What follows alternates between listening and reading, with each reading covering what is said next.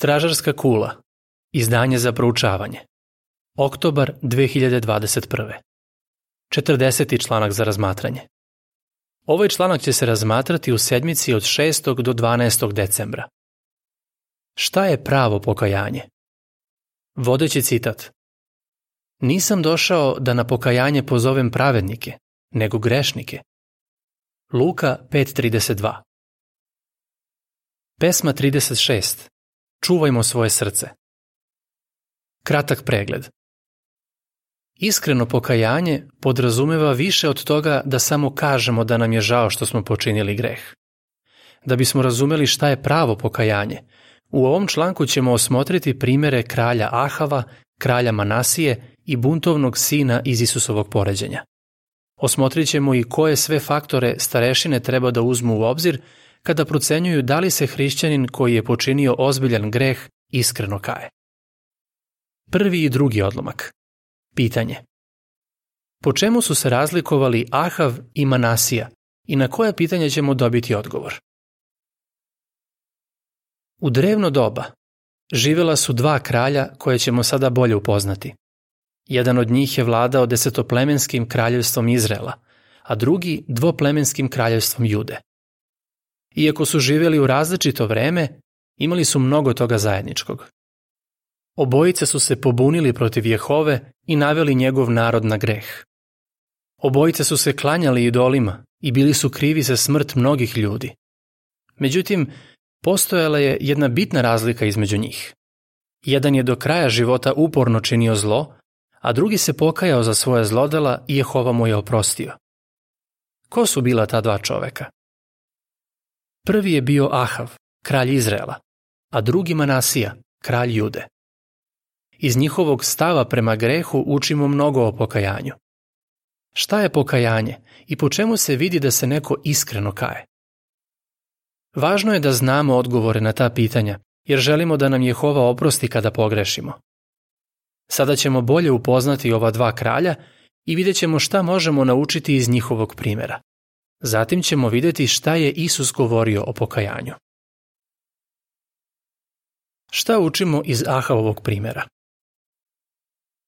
Treći odlomak. Pitanje. Kakav je bio kralj Ahav? Ahav je bio sedmi kralj desetoplemenskog kraljevstva Izraela. Oženio se Jezaveljom, čerkom kralja bogatog grada Sidona. Taj brak je verovatno koristio Izraelcima u ekonomskom pogledu. S druge strane, izložio ih je lošem uticaju, pa su još više grešili Jehovi. Jezavelja je služila valu i vršila je pritisak na Ahava da u Izraelu uvede tu odvratnu religiju, čiji su obredi uključivali prostituciju i čak žrtvovanje dece. Dok je Jezavelja bila na vlasti, život svih Jehovinih proroka je bio u opasnosti. Mnoge od njih je ubila, Ahav je činio ono što je zlo u Jehovinim očima i bio je gori od svih koji su bili pre njega. Prva o kraljevima 16.30 Jehova je bio svestan svega što su Ahav i Jezavelja radili. Ali bio je milosrdan i poslao je proroka Iliju da upozori i njih i njegov narod da se promene pre nego što bude prekasno. Pa ipak, njih dvoje se nisu obazirali na to. Četvrti odlomak Pitanje. Koju kaznu je Jehova odredio Ahavu i kako je on reagovao? Posle nekog vremena Jehovinom strpljenju je došao kraj. Poslao je proroka Iliju da kaže Ahavu i Jezavelji kakva ih kazna čeka. Cela njihova porodica biće ubijena. Te reči su strašno pogodile Ahava. Tada se desilo nešto neočekivano taj oholi kralj se ponizio pred Jehovom. Peti i šesti odlomak. Pitanje. Iz čega se vidi da se Ahav nije iskreno pokajao? Premda se Ahav tom prilikom ponizio, iz onoga što je kasnije radio vidi se da njegovo pokajanje nije bilo iskreno. Nije pokušao da ukloni kult vala iz svog kraljevstva, niti je podsticao narod da služi Jehovi iz njegovog celokupnog stava se videlo da se nije zaista pokajao. Kasnije je Ahav pozvao judejskog kralja Josafata da mu se pridruži u ratu protiv Sirije.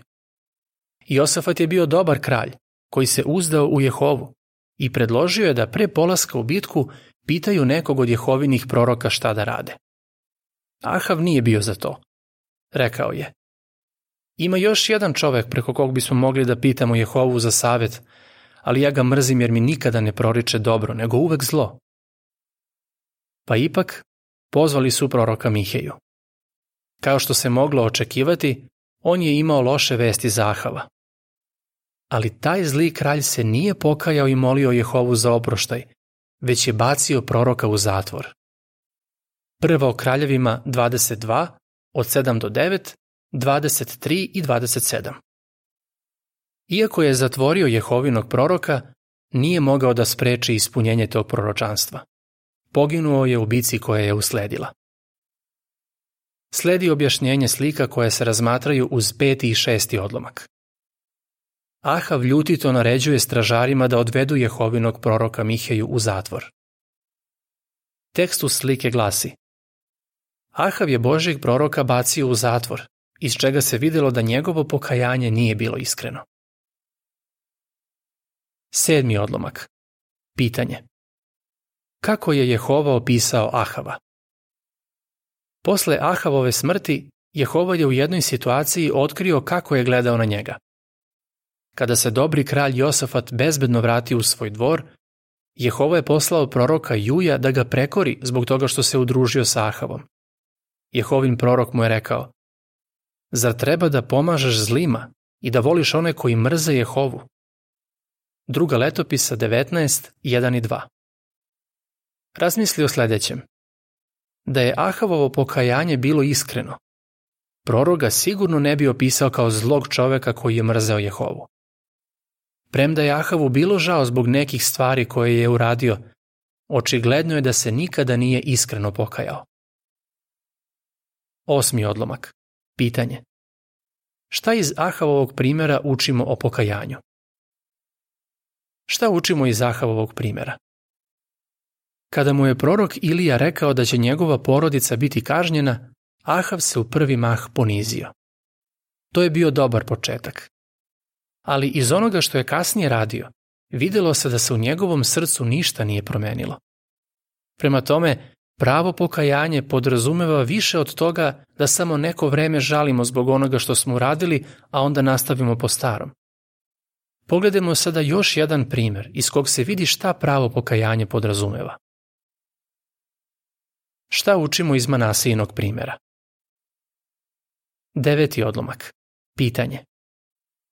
Kakav je bio kralj Manasija? Oko dva veka kasnije, Manasija je postao kralj Jude. Moglo bi se reći da je on bio još gori od Ahava.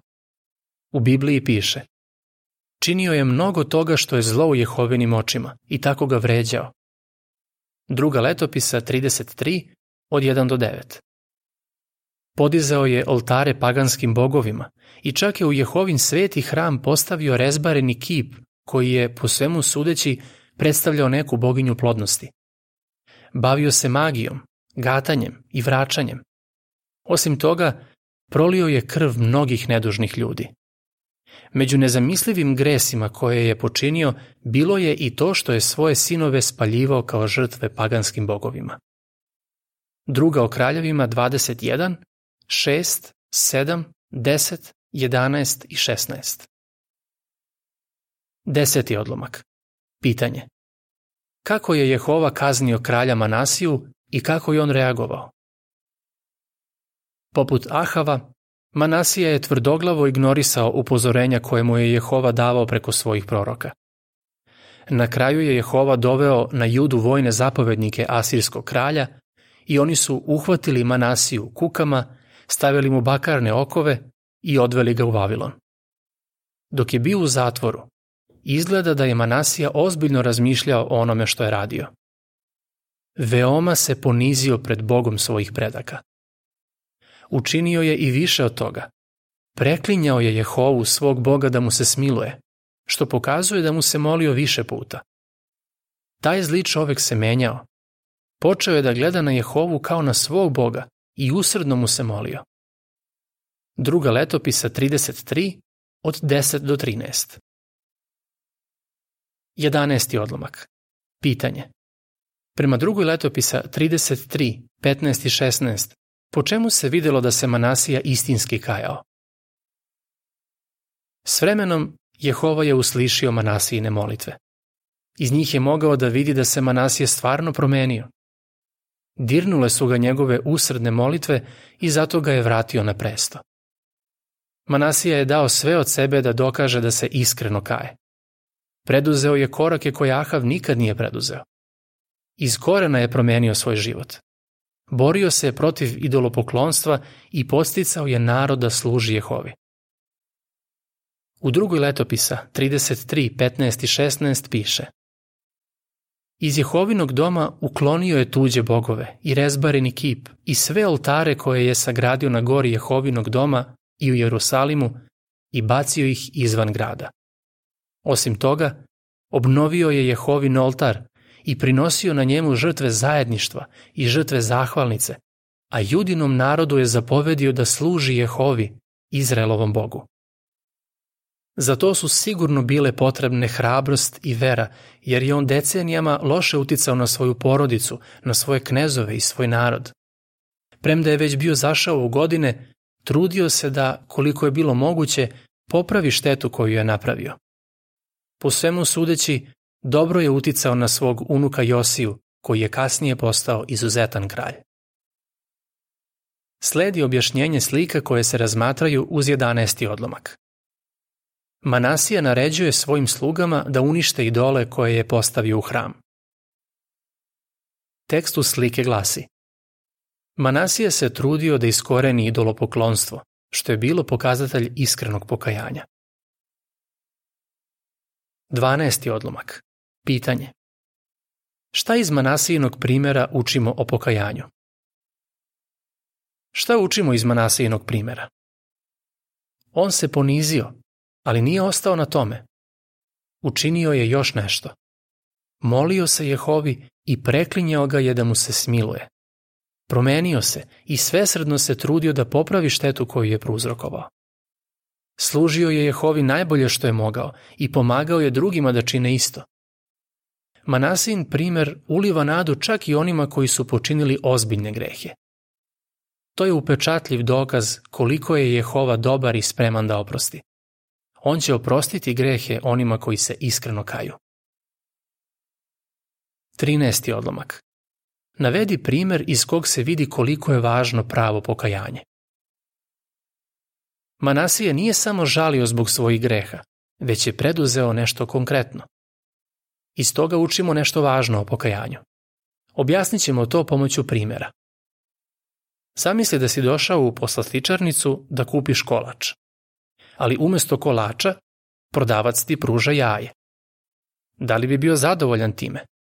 Naravno da ne bi. Da li bi se nešto promenilo ako bi ti prodavac rekao da je jaje glavni sastojak kolača? Odgovor je jasan. Slično tome, Jehova neće prihvatiti ništa manje od pravog pokajanja. Ako je grešniku žao zbog onoga što je uradio, to je dobro. To osjećanje je važan deo pokajanja, ali nije dovoljno. Šta je još potrebno? Odgovor nalazimo u dirljivom poređenju koje je Isus ispričao. Po čemu se vidi da se neko iskreno kaje? 14. odlomak. Pitanje. Šta su bili prvi znaci pokajanja kod buntovnog sina iz Isusove priče? Isus je ispričao dirljivu priču o buntovnom sinu, koja je zabeležena u Luki 15 od 11 do 32. Jedan mladić se pobunio protiv svog oca, napustio porodicu i otputovao u daleku zemlju. Tamo je živeo nemoralno i raskalašno. Međutim, kada se našao u teškoj situaciji, počeo je ozbiljno da razmišlja o odlukama koje je doneo. Shvatio je koliko mu je život bio bolji dok je bio kod svog oca. Prema Isusovim rečima, taj mladić se urazumio i odlučio da se vrati kući i moli oca za oproštaj. Trenutak kada je sin shvatio da je donosio loše odluke bio je važan, ali to nije bilo dovoljno. Trebalo je da nešto preduzme. 15. odlomak. Pitanje. Po čemu se vidi da se izgubljeni sin iskreno pokajao? Izgubljeni sin se iskreno kajao za ono što je učinio. Prevalio je dug put do kuće. Kad je došao do oca, rekao mu je Zgrešio sam nebu i tebi. Nisam više dostojan da se zovem tvojim sinom. Luka 15.21 Njegovo iskreno priznanje otkriva da je želeo da ponovo stekne Jehovinu naklonost. Bio je svestan i da je svojim postupcima povredio oca. Osim toga, da bi ponovo bio u dobrim odnosima sa ocem, bio je spreman da naporno radi, čak kao jedan od njegovih najamnika. To nije samo dirljiva priča. U njoj se nalaze načela koje mogu pomoći skupštinskim starešinama kad procenjuju da li se neko ko je počinio ozbiljan greh iskreno kaje. Sledi objašnjenje slike koje se razmatra uz 14. i 15. odlomak. Izgubljeni sin, iscrpljen nakon dugog putovanja, srećan je što u daljini konačno vidi očevu kuću. Tekst u sliku glasi Nakon što se urazumio, buntovni sin je prevalio dug put da bi se vratio kući. 16. odlomak. Pitanje. Zašto je u nekim situacijama starešinama teško da procene da li se prestupnik iskreno kaje? Starešinama nije lako da procene da li se neko iskreno kaje za ozbiljan greh. Pošto ne mogu da čitaju srca, oni moraju da se oslone na druge pokazatelje da bi se uverili da je njihov brat zaista promenio svoj stav prema tom grehu. Ima slučajeva kad je to prilično teško, jer je neko počinio takav greh da starešine koje razgovaraju s njim nisu u potpunosti sigurne da se iskreno kaje. 17. odlomak. Poda. Navedi primer iz kog se vidi da to što neko kaže da mu je mnogo žao, ne znači i da se iskreno pokajao. Pitanje pod B. Prema drugoj Korinćanima 7.11. Šta sve obuhvata pravo pokajanje? Pogledajmo jedan primer. Neki brat godinama vara svoju ženu. Umjesto da traži pomoć, on to krije od svoje žene, prijatelja i starešina. Na kraju biva razotkriven. Nakon što je suočen s dokazima, priznaje šta je učinio i čak deluje da mu je mnogo žao zbog toga. Da li je to dovoljno? Starešinama koje razmatraju njegov slučaj potrebno je više dokaza da se on kaje. Nije reč o trenutku slabosti, već o tome da je godinama činio ozbiljan greh. Nadalje, on nije sam priznao svoj greh, nego ga je neko drugi razotkrio. Da bi bile uverene da se promenio, starešine moraju videti promenu u njegovom načinu razmišljanja, u osjećanjima i ponašanju.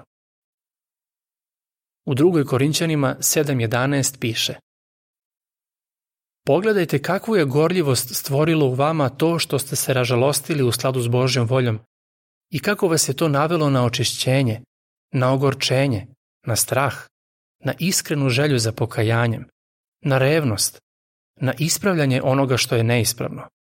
U svakom pogledu ste pokazali da ste u tome čisti. Za takve promene je uglavnom potrebno dosta vremena. Zato će taj brat najverovatnije biti isključen iz hrišćanske skupštine dok ne dokaže da se iskreno kaje. 18. odlomak. Pitanje pod A. Po čemu se vidi da se isključena osoba iskreno kaje? Pitanje pod B. Do čega iskreno pokajanje dovodi? Isključena osoba koja se iskreno kaje redovno dolazi na sastanke i primenjuje savet starešina da redovno proučava i moli se.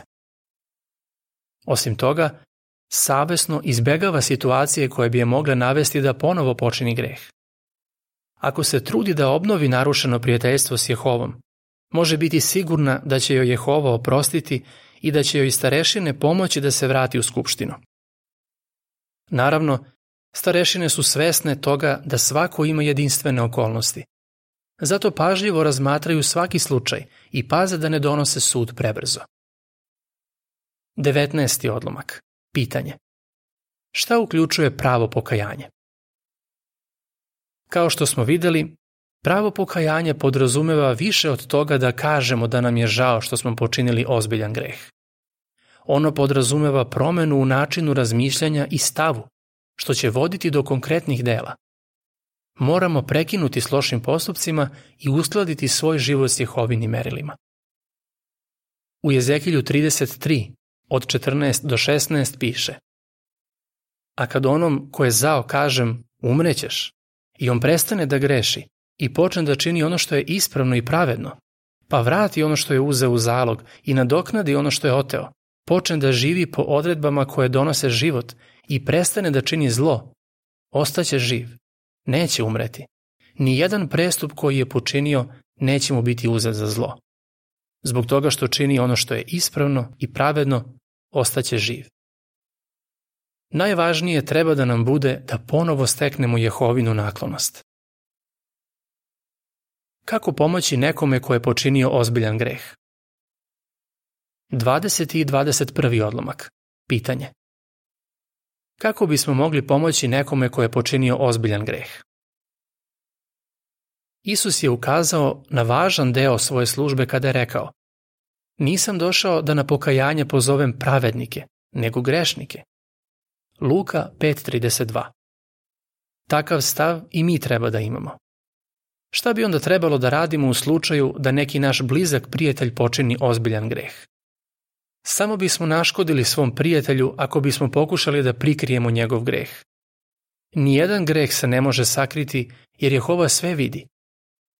Prijatelju ćeš najbolje pomoći ako ga podsjetiš na to da su starešine tu da mu pomognu. Međutim, ako on ne želi da im kaže šta se desilo, to treba da uradiš ti. Na to će te navesti iskrena želja da mu pomogneš. Tvoj prijatelj je u opasnosti da izgubi Jehovinu naklonost, a to je ozbiljna stvar. 22. odlomak. Pitanje. O čemu će biti reči u sledećem članku? Međutim, šta ako je neko dugo činio greh i otišao toliko daleko da su starešine zaključile da mora biti isključen? Da li je to prestrogo? U sledećem članku biće reči o tome kako se u načinu na koji Jehova ispravlja prestupnike ogleda njegovo milosrđe i kako se možemo ugledati na njega. Kako bi odgovorio? Šta iz Ahavovog primera učimo o pokajanju? Po čemu se videlo da je Manasino pokajanje bilo iskreno? Šta od buntovnog sina iz Isusove priče učimo o pokajanju? Pesma 103. Pastiri su dar od Boga. Kraj članka.